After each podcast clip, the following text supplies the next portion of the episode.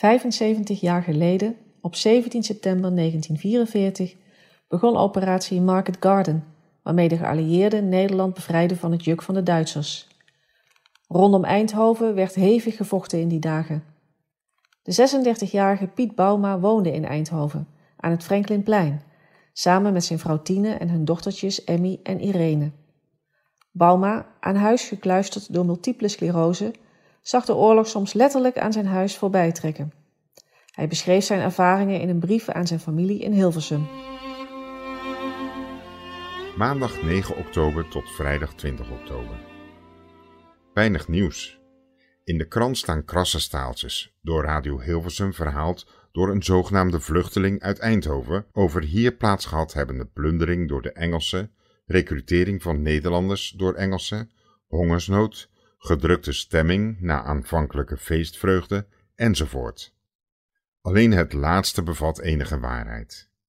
Maar dat is alleen een gevolg van het Duitse bombardement en van de binnenkomende geruchten van de toenemende Duitse en NSB-terreur in nog bezet Nederland.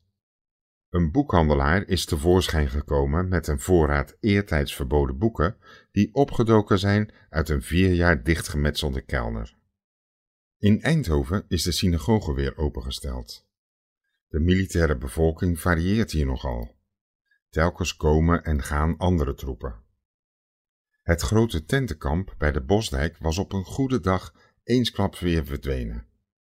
Van tijd tot tijd trekken nog groepjes van circa 20 stuks Churchill tanks over het pleintje. Overigens het gewone aanvoerverkeer. De laatste tijd ook zeer veel auto's met manschappen. Nog steeds druk luchtverkeer, bommenwerpers voor Duitsland, gaande en komende jagers in groot getal. Voedselpositie is hier ook wel niet rooskleurig, maar het gaat toch. Van enige voedingsmiddelen krijgen we iets meer dan vroeger, maar andere artikelen als boter, groenten zijn zeer schaars. Men verwacht verbetering als eerstdaags de haven van Antwerpen gebruikt kan worden. Van tijd tot tijd krijgen of kopen we nog wel eens een lekker beetje van de tommies. We hebben eens een paar sneetjes van een wittebrood geproefd en een blikje met Argentijns corned beef gekocht. Allemaal ongekende heerlijkheden.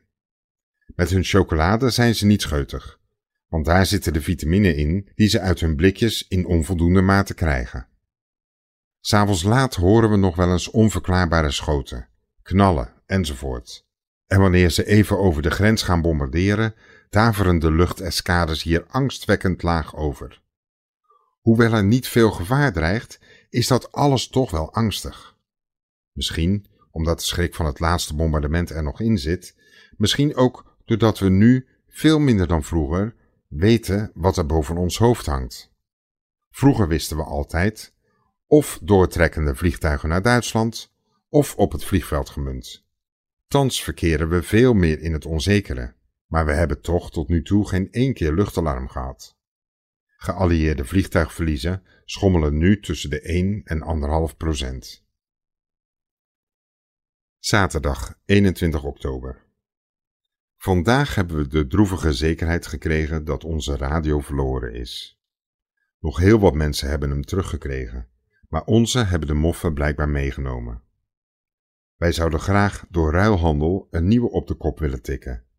En er worden ook wel radio's aangeboden, maar ze vragen er motorfietsen, piano's en salonameublementen voor. Maandag 23 oktober. Vanaf heden is de watervoorziening weer normaal. Wat een weelde! Gas en elektra nog uiterst zuinig. Oven, gijzer, stofzuiger kunnen we nog niet gebruiken. Vandaag een nieuwe sensatie. Voor het eerst komt er weer eens een vuilnisman. Juist waren er van de week op verschillende plaatsen massagraven gemaakt waar de liefhebbers hun vuilnisemmers heen konden sjouwen. Vandaag is er een offensief in de richting Den Bosch ingezet en in Zuid-Vlaanderen schieten ze op.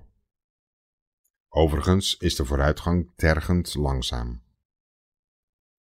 Zaterdag 28 oktober tot vrijdag 3 november. Het is weer een beetje angstige week geweest in verband met de grote Duitse tegenaanval uit richting Venlo en Roermond die recht op Eindhoven was gericht. Enige dagen geleden hadden we al van een Duitse tegenaanval tussen Venlo en Roermond gehoord, maar de geallieerden zouden de toestand hecht in handen hebben. Zaterdagavond beleefden we de verrassing dat circa 40 zware tanks uit het pas bevrijde Den Bosch weer door Eindhoven terugkeerden, blijkbaar op weg naar een nieuwe, dringende taak. Zondagmorgen kwamen er nog meer uit het noorden, en toen hoorden we ook wat er aan de hand was. De Duitsers waren dwars door de zuidelijke peel doorgebroken en hadden reeds Meijel en Liesel bereikt. De volgende dag hadden ze beide plaatsen in handen en naderden Asten. Dat ligt ongeveer 20 kilometer van hier. Lang geleden ben ik er wel eens te voet heen gewandeld. Hoewel de geallieerden nog steeds groot belang hadden om Eindhoven en omstreken als verkeerskruispunt vast in handen te houden, kwam in deze dagen toch bij menigeen de angstige gedachte opgedoken. Stel je voor dat we nog eens bezet werden en dan nog eens bevrijd zouden moeten worden. Dinsdag scheen de strijd zowat in evenwicht te zijn. De Duitsers vorderden nog wat op de weg Meijel-Asten en vormden een bruggenhoofd over het kanaal bij Nederweert. Maar de Engelsen zaten weer in Liesel. De strijd schijnt daar zeer hevig te zijn geweest. We hoorden trouwens weer geregeld het hevige geschutvuur in de verte. In het begin zat de geallieerden ook in alle opzichten tegen. Het had veel geregend en daardoor was het terrein in een onbegaanbaar moeras herschapen. Daarin wisten de Duitsers door jarenlange ervaring waar de harde paden waren, de Engelsen niet. Tot overmaat van ramp was het weer meestentijds van die aard dat de Engelsen hun overmachtige luchtmacht niet konden gebruiken. Zodra het eventjes helder werd, zwermden ze bij tientallen van het vliegveld naar het oosten. Donderdag was het zover dat de berichten luidden: bij de peel zijn de rollen omgekeerd. Overal de geallieerden in de aanval. Bruggenhoofd bij Nederweert opgeruimd. Vrijdag naderde de Engelse mijl weer. Het grote gevaar is geweken. Overigens gaat het deze week vlot. Een groot deel van Brabant en Zeeland is veroverd. En dagelijks komen de bevrijdingsberichten binnen. Vrijdag 27 oktober. Den Bosch, Hoedekenskerken. Zaterdag Tilburg. Zondag Breda, Bergen op Zoom. Maandag Zeeuws-Vlaanderen, Oosterhout, Goes. Dinsdag Oudenbos, Capelle. Woensdag Raamsdonk, Waspik, Waalwijk, Oud-Gastel. Donderdag Knokke, Zoutelanden. Vrijdag België, het laatste restantje, en Vlissingen. Vrijdag 3 november. Tine gaat voor het eerst weer op expeditie uit. Circa 40 kilometer heeft ze gefietst om appels op de kop te tikken. Overal nog de sporen van gevechten. Uitgebrande auto's, onontplofte projectielen, stukgeschoten huizen en bomen langs de wegen, haastig gegraven graven, verwoestingen in alle dorpen, vooral best. In de meeste dorpen zijn de kerken kapot.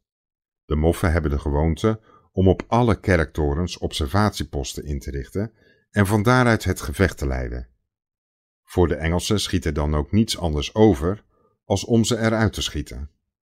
Ook de Domkerk in Oorschot, een van de grootste en mooiste kerken van Brabant, is zeer zwaar gehavend. Met ingang van maandag zal er weer een geregelde treinverbinding Eindhoven-Helmond onderhouden worden, driemaal daags. Waarschijnlijk een unicum in Nederland.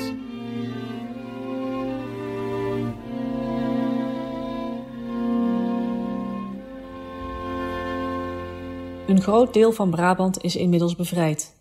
Maar de Duitsers geven niet op en tonen zich meedogenloos.